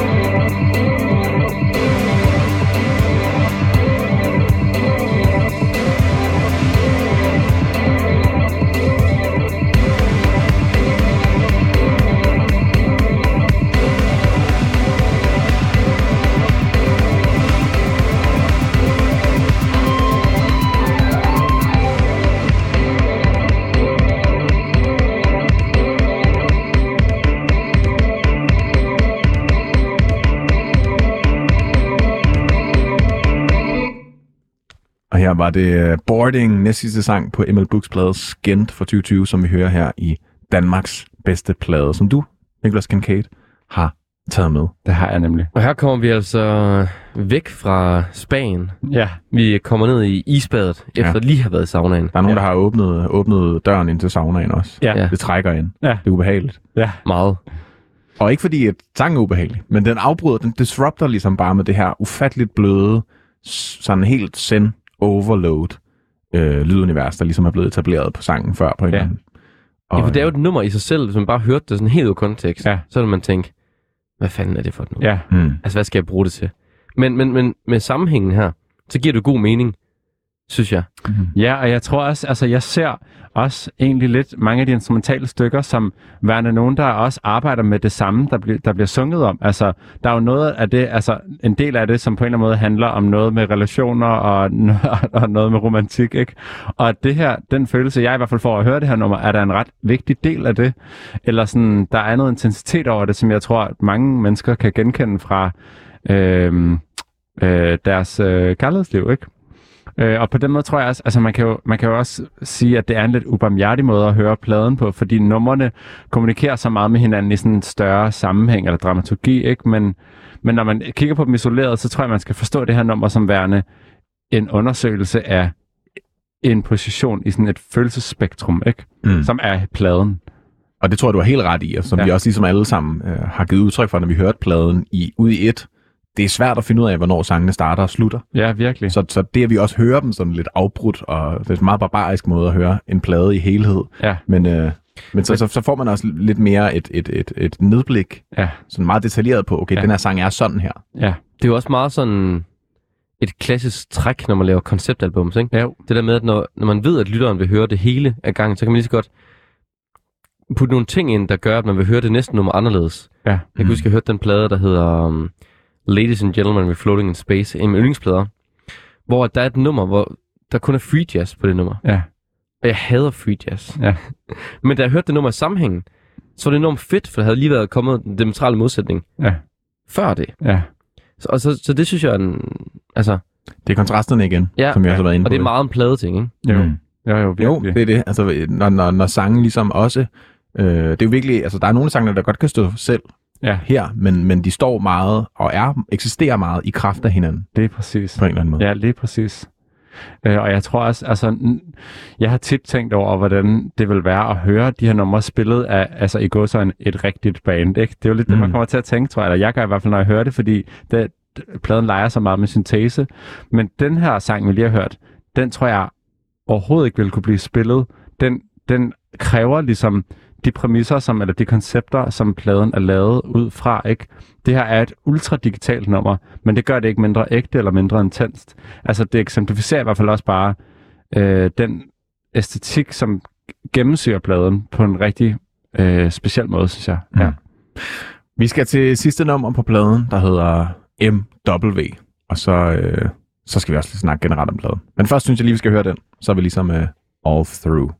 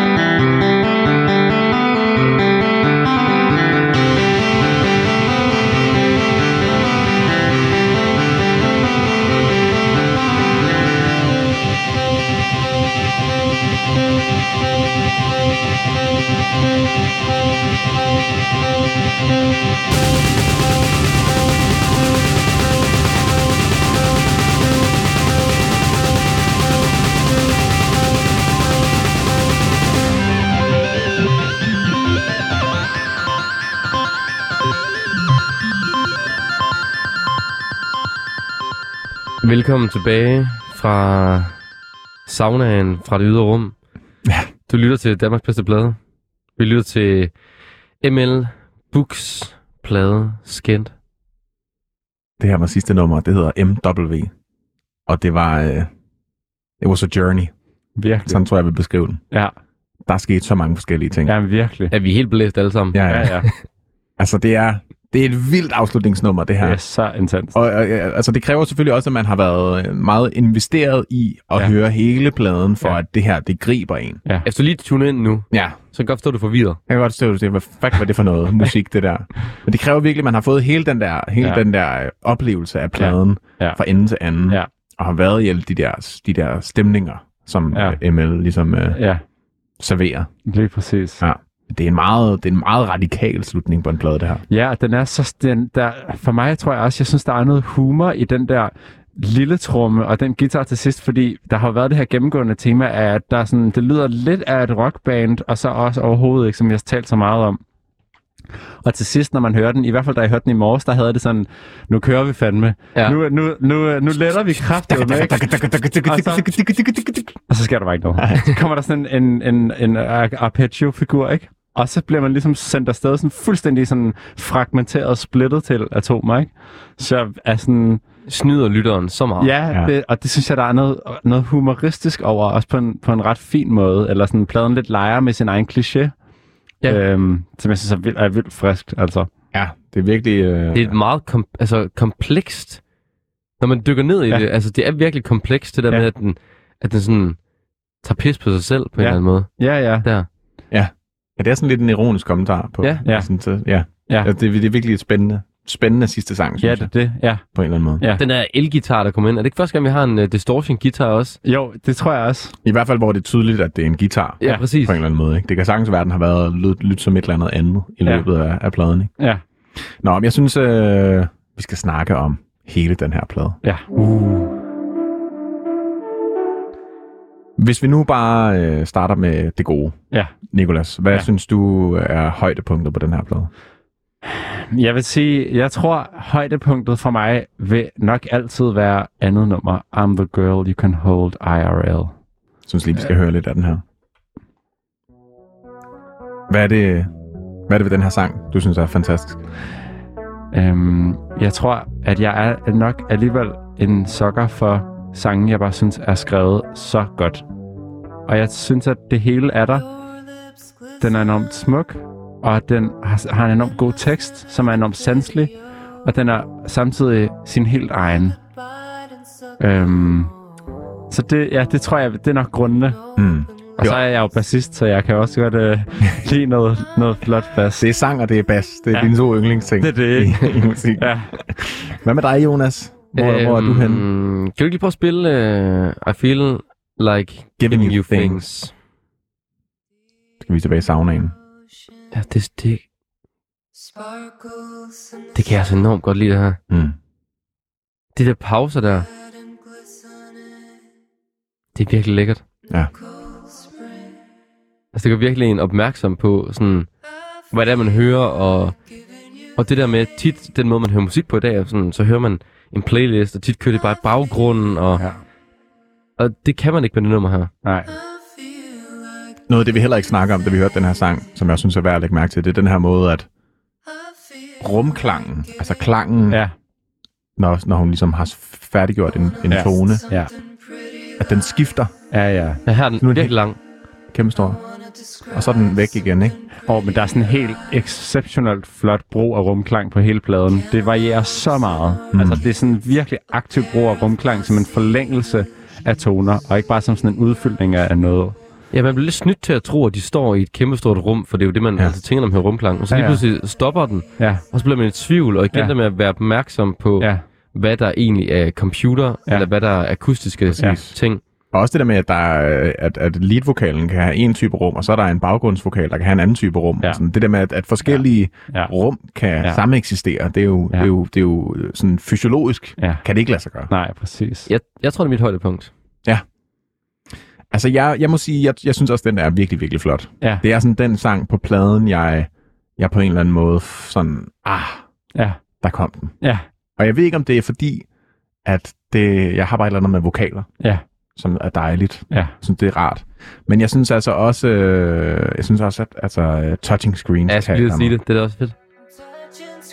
Men det er måske også, fordi jeg, jeg, er, sådan, jeg er også et kæmpe popører, ikke? Ja, jo. Jeg synes bare, det er så god melodi, det her. Ja, ja. Touching screens. Det er også flot. Virkelig svedigt. Men jeg tror også, altså selvom at jeg, jeg, jeg, jeg også kan lide, eller jeg synes, det er fedt, det der brug af instrumentalstykkerne, Ja. som der er rigtig meget på pladen, Ja, så, så tror jeg, at det er sangene, ja, altså, hvor der er Emil Buch synger på, ja, som er dem, jeg ligesom, jeg føler er stærkest ja, på en eller anden måde. ja, Det er måske også, fordi det er nemmere at connecte med dem, ja, ja, fordi det er sange. ja, Um, hvis vi så skal tage bagsiden af mønten, ja, Uh, nu bliver det spændende. lavpunktet ja, på pladen. ja. Thijs, vil du starte? Ja, det kan jeg godt. Øh, jeg, jeg synes faktisk, Så at kan vi lige få noget med til ja, at tænke. ja, det render. ja. Ja, jeg, jeg, jeg, var sådan, nå, fuck. Øh, fordi jeg synes rigtigt, det er svært. Det er svært Ja. at vælge et lavpunkt. Fordi det er jo en plade, der i hvert fald for mig er meget, øh, som vi også har snakket om Ja. øh, i løbet af en af sangene, tror jeg. Ja, Det er virkelig godt lavet. ja, Det er håndværk af øverste skuffe. ja, Så det er jo meget en stil. Kan man lide det, eller kan man ikke lide det? ja, Og øh, det er også en plade, hvor man skal gå meget med på præmissen ja, for, hvordan den er lavet. Ja. Og tage det som det værk, det er. ja, Så derfor synes jeg reelt, det er rigtig svært ja, at vælge. Ja. Jeg tror måske, at jeg vil sige øh, startsangen. Ja. Can You Hear My Heart Leave? Fordi at, at altså igen, det er jo, det er jo flot, og det er i, i, i, i, i tone med universet. ja, Og, men det, det, det der med, at det er et referat, mere end at det er en introduktion ja, på en eller anden måde. Altså, der, Ja. den, ligesom, den, den har forskellige dele, og det er lidt sådan lyden af pladen overall. ja, Det synes jeg, er- der ville jeg hellere måske bare have haft sådan lidt mere blydende, øh, flydende ambient. ja, Ja, jeg føler måske, også, at man, hvis man havde en anden en, entré til pladen, så kunne det så kunne det være nemmere at sådan komme ind i den. ja, Altså fordi, at man forstår den første sang, når man har hørt resten af pladen. ja. Ja. Men på en eller anden måde tror jeg også, det er det, der er hensigten, ikke? Altså, det er nemlig en plade, der leger enormt enormt meget med sit eget begreb. Altså, og, og det, for mig tror jeg også, at det er blevet en ret vigtig del af at forstå det. Altså, det er ikke en plade, som, som, øh, som fuldbyrder et potentiale. Den bliver ligesom ved med at lege med alle mulige forskellige ting, som den kunne være. Mm. Det synes jeg er enormt, sådan, enormt specielt. Ja, Og det er rigtigt. Det er også derfor, jeg synes, det er super svært. Det er Også- og Fordi ja. igen, der er ikke sådan en, om den var lidt dårligere end Nej. den. Det, det, det er sådan... Altså, jeg, jeg tror måske bare, hvis jeg skulle sige sådan, som plade, vi har hørt den fra ende til anden, ja. og vi ikke skal høre den igen, Ja, så tror jeg, jeg vil sige første nummer. ja, ja. Hvis vi tager dig, Jonas, hvad, hvad, hvad synes du er... kan du lige prøve at spille Zap? Zap. Zap kommer her. Det er den der, nej, det er den der, hvor de banker. Øh, Ja, det er, det er birketræet. det er... Det er nak, Zapparet. Øhm, nej, kan du lige prøve at tage øh, O? Du kan Det, få, er- det er svært, det er du svært få, at huske numrene Du kan få hinanden. hele pladen, hvis du har lyst til det. Ja. Det er O, det her. Jamen, det er svært at, at genkende de her instrumentals fra, fra hinanden. Måske er det boarding. Jeg tror, det er boarding. Ja, vi prøver boarding. Ja. Jeg synes, det var lidt for voldsomt. ja, det er det også. Men det er, også, men det er voldsomt i kontrast. Ja. Ja. Men det, altså, og måske at det kritikpunkt, jeg har til den her plade, det er, at det hele bliver meget sat på spidsen. Altså, det er meget sådan yderpunkterne hele tiden. Ja. Mm. Og det gør det svært at elske ved, ved første lyt. Ja, Jeg vil sige, at andet lyt her, der har jeg virkelig fundet ud af sådan, virkelig mange kvaliteter ved det, men jeg har svært ved at komme ind i pladen. Ja. Jeg har svært ved at komme ind i universet. Ja. Det, er ikke, øhm, det er ikke så nemt at tabe ind i. nej. Og det, og det ved jeg ikke, altså, hvis man havde skruet lidt mere ned for yderpunkterne, få dem lidt længere ind mod hinanden, Ja. så kan det godt være, at man ikke har fået en lige så intens oplevelse tredje eller fjerde gang, man hører den, Ja. ja. men så havde det været nemmere at komme ind første gang. Men så er det så også, om brøden var røget, ikke? Altså, om den så var blevet for Ja. ja. tilgængelig. Jamen, det er Jamen, det. det er det, der er spørgsmålet. Men jeg tror, jeg tror fordi første gang, jeg hørte pladen, så var det sådan... Ja, det, altså... Jeg, havde- jeg, havde, jeg havde svært ved at øh, købe mig ind på den, i, i hvert fald især de første sange. Mm. Nikolas, hvis du skulle øh, sætte en finger på... Det er, jo ikke, det, er jo ikke, og det er jo ikke sådan, det her det er lort eller noget. Det er jo bare sådan, hadenummer. hvad, hvad hader du ved den her plade? Nej, det er mere bare sådan, hvad synes du er det mindst vellykkede, måske bare? Jamen, jeg tror, jeg vil være lojal mod min øh, tese om, at det her er Danmarks bedste plade, og sige, det jeg har haft det sværest med med den her plade, var første gang, jeg lyttede til den. Så det er mere noget, jeg er blevet konfronteret med i mig selv, end det er noget på pladen. Fordi når jeg hører den nu, så må jeg skulle indrømme, at jeg kunne ikke forestille mig, at den skulle være anderledes. Men jeg er klart blevet konfronteret med en lyst til, at der var flere sange på. Mm. Men øh, og, og, det, og det havde jeg det s- sådan, det fyldte klart i de første par gange, jeg hørte den. Og nu må jeg bare være ærlig og sige, jeg tror ikke, at jeg synes, den ville være lige så god, hvis, hvis den var mere sådan øh, sang, sangborgen. Altså, så hvis jeg må komme med sådan et lidt abstrakt svar, så er mit lav, lavpunkt, det er jo noget i min egen lytteoplevelse. Noget, Det, det er virkelig dig, der er lavpunkt. Ja, ja, præcis. Det er ikke dig, der er galt. Det, det er mig, der det er er galt. Ja, præcis. Men jeg synes, det måske leder os ret øh, gelente over i, i sidste del af programmet her, ja. som jo er, det er jo skæbnens time. Ja. Vi har jo øh, en top 5 her i Danmarks bedste plade, den? som, øh, som jo ligesom er vores rangliste af de bedste plader fra Danmark. Ja. Og Jonas, vil du, øh, vil du ikke tage den? Og er det, er det 12. program, det her? Vi har 12.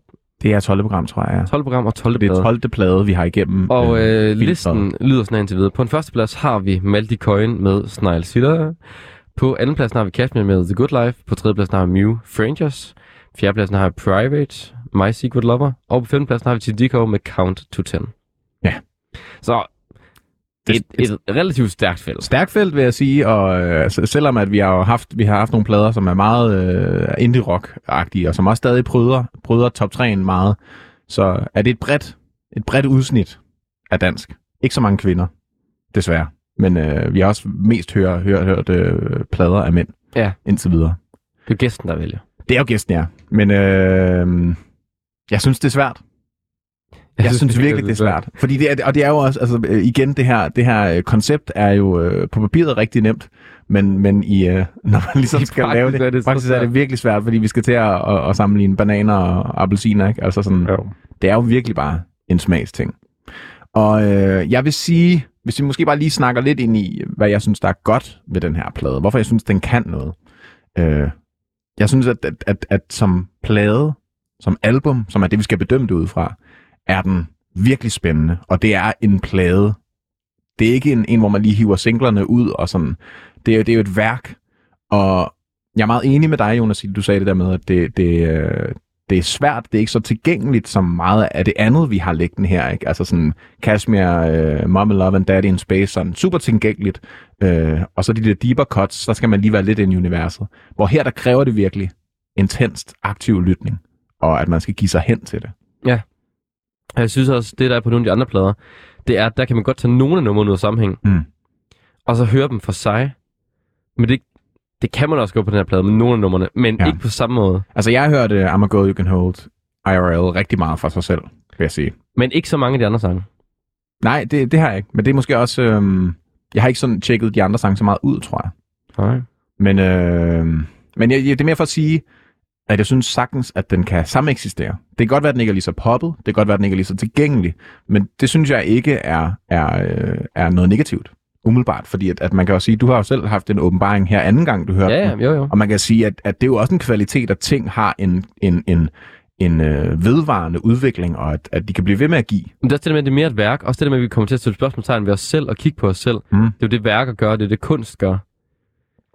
Men også, altså også det der med, med at, det, at der er flere lag i tingene, så man kan blive ved med at have, ja. Ja. have nye oplevelser med den samme plade mange gange, synes jeg også er en stor kvalitet. Ja, man kunne, måske kunne man også være lidt våget, og som mig i hvert fald stille jer et spørgsmål om, om en plade bliver bedre, hvis man kan fjerne noget fra den og nyde det isoleret set. Altså i princippet, så, så tror jeg, at der er noget ret stærkt over en plade, hvis man kun kan lytte til den som en helhed. Mm. Altså det er Ja. lidt ligesom, hvis man forestiller sig, at man skar øh, øh, øjenbrynene af Mona Lisa og bare stod på mig og tænkte, fuck nogle flotte øjenbryn, ikke? og det, kan, det er der givetvis ret mange, der vil gøre, fordi Mona Lisa er så elsket et maleri, ikke? Men, men man kan også godt argumentere for, at mm. De bedste plader, det er dem, man bliver, bare, man simpelthen bliver nødt til at lytte til. Ja, Det er også rigtigt, men jeg synes heller ikke, der er mange værter, hvor man kan cutte så mange øjenbryn af. Jeg tror måske, øjenbrynene, det vil være et albumtrack, ja. hvis man skal hive det. Ja, Men, ja, nej, men, jeg, men, men jamen, jeg, kan, jeg, kan, jeg kan sagtens uh, gå med på, på, på den tanke der, synes. Ja. jeg. Fordi, altså, Men skal vi prøve at begynde at kigge på den i Ja. forhold til nogle af dem, vi har? ja, det, bliver, det bliver vi jo nødt til, kan man sige. Ja. Nummer et. Skal vi bare tage den fra toppen? Ej, vi kan tage den på bunden af. Skal vi tage, du vil tage den fra bunden, simpelthen? Ja, det, ja, det ved jeg ikke. Jamen, vi tager, så tager vi den fra bunden. Lad den kravle sig op, hvis den kan. Tina Dickow, Count to Ten. God plade. Jeg ved ikke, om Nicolas, om du, om du har hørt nogle af de her plader. Jo, jo, jo. Ja, ja. jo. Så du kan også Ja, du kan sagtens snakke med. Jeg kan sagtens uh, tælle til 10 og snakke med. Ja, perfekt. Jeg synes, øh, jeg synes, den er bedre som plade end Tina Dickows plade. Ja. Det synes jeg. Der er gode sange på Tina Dickows plade, som man også kan tage ud individuelt, Ja, Men som helt værk, som helt værk. Der synes jeg, at den slår Tina Dickows plade. ja. der er jeg enig. Fedt. Spændende. Det, uh, Okay. ja, det synes jeg også. Okay. Skal lige have en pause her. Så kommer vi videre. Okay. Ja, tre, tre og et halvt minutter tilbage. Private. Ja. My Secret Lover. Ja. Som vi hørte øh, sidste gang. Som. Ja. jeg havde taget med. Dejlig plade. Dejlig øh, popmusik, men jo, som vi også snakkede om sidst, og som Thomas Troelsen selv har udtalt, jo ikke en plade. Nærmere et visitkort. Ja. Og jeg vil faktisk også sige, at jeg har lyttet rigtig meget til My Secret Lover, da jeg gik i øh, gymnasiet. Og den øh, var fantastisk at lytte til i en periode, men den er lidt svær at vende tilbage til. Altså nu er det mest øh, de få singler, Mm. som, som, som jeg kan høre, men på en eller anden måde, så, så for mig er pladen en lille smule for homogen til, at den bevarer sådan sin spændstighed for mig, hvis det giver mening. Jeg synes heller ikke, altså, jeg synes ikke så meget, det er en plade egentlig. Nej, Altså, det er jo mere en, en playlist med de bedste sange fra Ja, ja. Private. fra, ja. Øh, ja, præcis. Thomas Olsens lager. Ja, Ja. præcis. Så af den årsag, når vi skal snakke album, plade, ja. og ikke individuelle sange, der synes jeg også, Ja. den slår Ja. Private. Ja, ja. Og nu begynder det at blive rigtig spændende. Nu begynder ja. Det jo at være... Det er jo også meget Jonas' øh, det begynder at gå ind på Jonas nu. Det er to plader, der betyder, øh, der betyder meget for ham. Ja. Ja. E- egentlig også, at den sidste også begynder at betyde meget for Malte Coyne. Ja, Ja. Men altså, nu må vi starte med Mew. Frangers. Frangers. Er den bedre? Frangers. Åh, den er virkelig svær. Ja, den er, så den er røvsvær. Altså, jeg har, ikke, jeg har ikke lyttet så meget. Jeg er ikke så stor Mew-dude. Nej, Jeg synes, det var en god plade. Jeg Ja. synes, der var nogle smukke sange på. ja, for fanden. Øh, og igen, den der øh, Comforting Sounds. Men det er altså også en plade, når man hører den flere gange, at den, den åbner sig virkelig. Ja, det gør. Ja, ja. det gør Den den. kommer ud i mange hjørner. Og det er, jeg, jeg, nu har jeg snakket meget om Comforting Sounds-effekten, det der med at lukke med så sindssygt et nummer, Ja. som bare gør, at man sådan bare tænker, hold kæft, det var en god Men det plade." gør også, at du har lyst til at høre pladen igen. Ja, men, men så hører man, altså jeg tror også, jeg havde det vildest over Comforting Sounds, Ja, og så glemmer man lidt resten af pladen, fordi at det også er sådan så intenst og langt et nummer, ikke? jo. Ja. Nej. Jeg kan, jeg kan ikke huske nogen af de andre sange. Kan du ikke det? Reelt. Altså, jeg, jeg synes, jeg vil sige, jeg synes ikke, den slår Frangers. Jeg tror, altså, for mig er det, er det, enormt, det er et enormt svært format, det der, Ja. fordi jeg tror sgu, at jeg vil lave en, en klassisk Nicolas, og så sige, de kan noget lidt på hver deres måde. De får en del tredje. ja, eller sådan, altså, det, jeg tror, jeg har ikke, hvis vi havde brugt to timer på at snakke om Fringers, så, så kan det være, at jeg ville have det anderledes med den. Mm. Men lige nu virker uh, Skin som verdens bedste plade, fordi vi har brugt så lang tid på at dykke ned i den, ikke? Mm. Så jeg, altså, I kender måske de plader bedre, end jeg gør de resterende tre, ikke? Fordi I, har- I har snakket meget om dem. Altså, hvis vi bare lige tager de to andre, øh, nu er vi startet fra bunden af, men altså, Multicoin Snile Sealer, synes jeg, er, er altså sådan et kæmpe værk, og Ja, et en kæmpe milepæl. univers, og, og det kræver også den der hele albums fornemmelse, Ja. for at man forstår universet, og- man kan høre det flere gange og få mere ud af det. Så derfor Ja. synes jeg ikke, den er bedre end den i hvert fald. Og sådan synes jeg også, det er med Cashmere The Good Life Ja. egentlig. Altså, Ja. ja. sådan, jeg har det lidt mindre sådan med Cashmere's. Men alligevel, det er ikke? et lige så stort univers. Men det er alligevel et univers, man tapper ind i, og Ja. altså... Lydligt i hvert fald. Ja. Ja, men jeg synes, den er svær. Ja, altså, det, jeg synes virkelig, den er svær at balancere mellem. Men jeg, vi skal have et svar nu. Jeg vil af den årsag, tvivlen, lad tvivlen øh, komme Mew til gode. Okay. Ja. Det vil jeg Tror også. jeg. Ja. Jeg vil sige, at den kommer ind på en Stærk fjerdeplads. virkelig stærk fjerdeplads. Ja. Altså, et den hårdt slået felt. Thomas Troelsen, ikke? Det er et hårdt felt. Så øh, Nicolas Kincaid, tusind tak, fordi du havde lyst til at være med i Tusind Danmarks tak, bedste plade, og tillykke med en stærk fjerdeplads. Ja, tak. ML Book, Og, Ja. tusind, skint. og tusind tak, fordi I lyttede med derude.